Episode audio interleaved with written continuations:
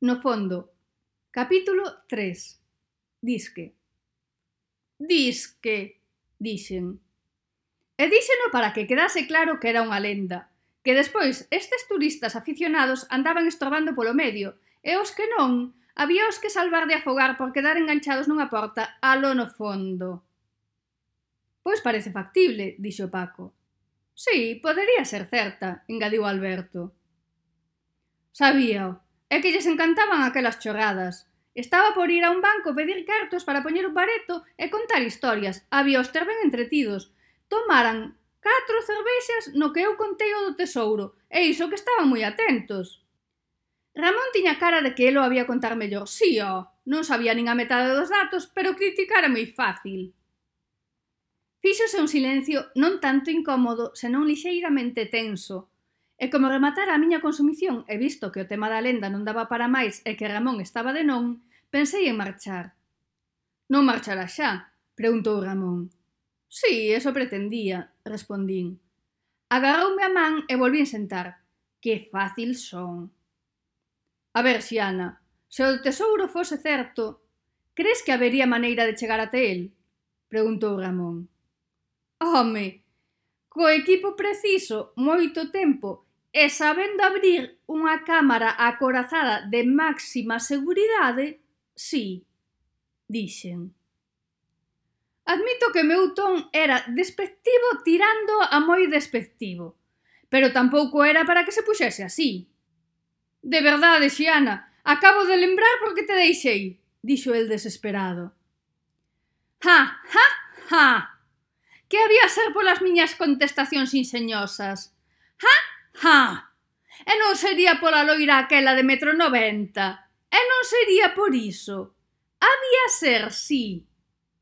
Notoumo, ou iso me pareciu, porque lle cambiou a cara. Si, sí, ó, que me vai botar a culpa a min. E que faz? Preguntou Paco. Dixo así, sen máis. Eu que sabía que mo dicía a min. Aclaroumo Ramón cunha mirada de revés. Estaba dun sensible o tío Total, que lle contei que non facía nada, que estaba no paro. Ramón seguía mirándome mal. Sabía máis do que parecía, tamén o notei. Pero non ia confesar ali diante dun policía a que me adicaba. De borrollo sí, pero con cuidado. Vale, a vos sí que vos lo podo contar. Agora xa tanto ten. Eu era recuperadora, un oficio novo que naciu despois do maremoto.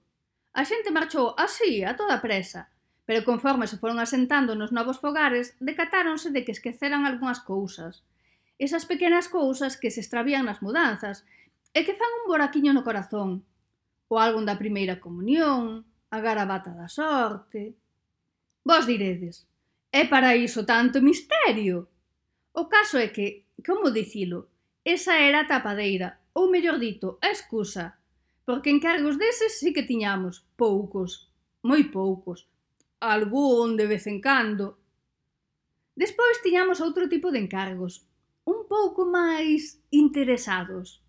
O típico, o xolleiro que cobrou do seguro unha indemnización por non sei cantos anéis de ouro que tiña no mostrador. Logo daba a morriña e contratábanos para recuperalos. Sen yo contaros do seguro, claro. E tamén estaban os outros encargos, aqueles da xente que non era exactamente a propietaria das cousas que tiñamos que recuperar. Vamos, que sabían que a cuñada do avó, da tía do sogro, da cormá, dun amigo, tiña no colchón algo. Pedíannos que o recuperásemos para devolverlo, iso sí. Claro que con tanta mudanza igual non a atopaban, pero mellor que o tivese alguén coñecido. Eu non facía moitas preguntas. Ningunha para ser exacta. E normalmente tampouco conseguía recuperar todo o que me encargaban. Iso lles dicía. Anda que as costureiras non quedaban sempre cun anaco de tea cando lles encargaban un vestido. Pois as tradicións hai nas que manter e punto. Non tiña medo, é dicir, había unha especie de valeiro legal entre a Lei de Recuperación de Tesouros Marítimos e a de propiedade privada, porque aínda non chegaran a acordo sobre se o terreo que asulagara o maremoto era marítimo ou seguía sendo propiedade privada. A miña teoría é que se o mar devolve o que non é seu e seguía ocupando todo aquel espazo, é que era do mar. E como xa dixen antes, punto. De calquera xeito, o que facíamos non estaba moi ben visto. A xente molestáballe iso de que alguén collese o que era seu. Dicían que nos estábamos facendo ricas a súa conta. Pero como non nos daban pillado, aguantábannos, e cando lles interesaba, facíanos algún encargo. A rica non ía chegar. Todo o máis conseguía cousas para o troco nas tendas centrais. Ás veces podía conseguir comida para todo o mes, ou equipos de última xeración, xa sabedes, radares, prospectores, equipos de inmersión, o típico.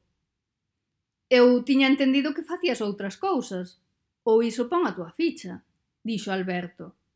A miña ficha! Tiña eu diso! Paco e máis Alberto tamén che son do gremio. Soltou Ramón con moita sorna. Joder, vai a puntería. De calquera xeito non había problema, salvo que confesase non tiñan nada, nada de nada. Eles sabían a que me adicaba, e que, se non me pillaban cas más na masa, non tiñan que facer.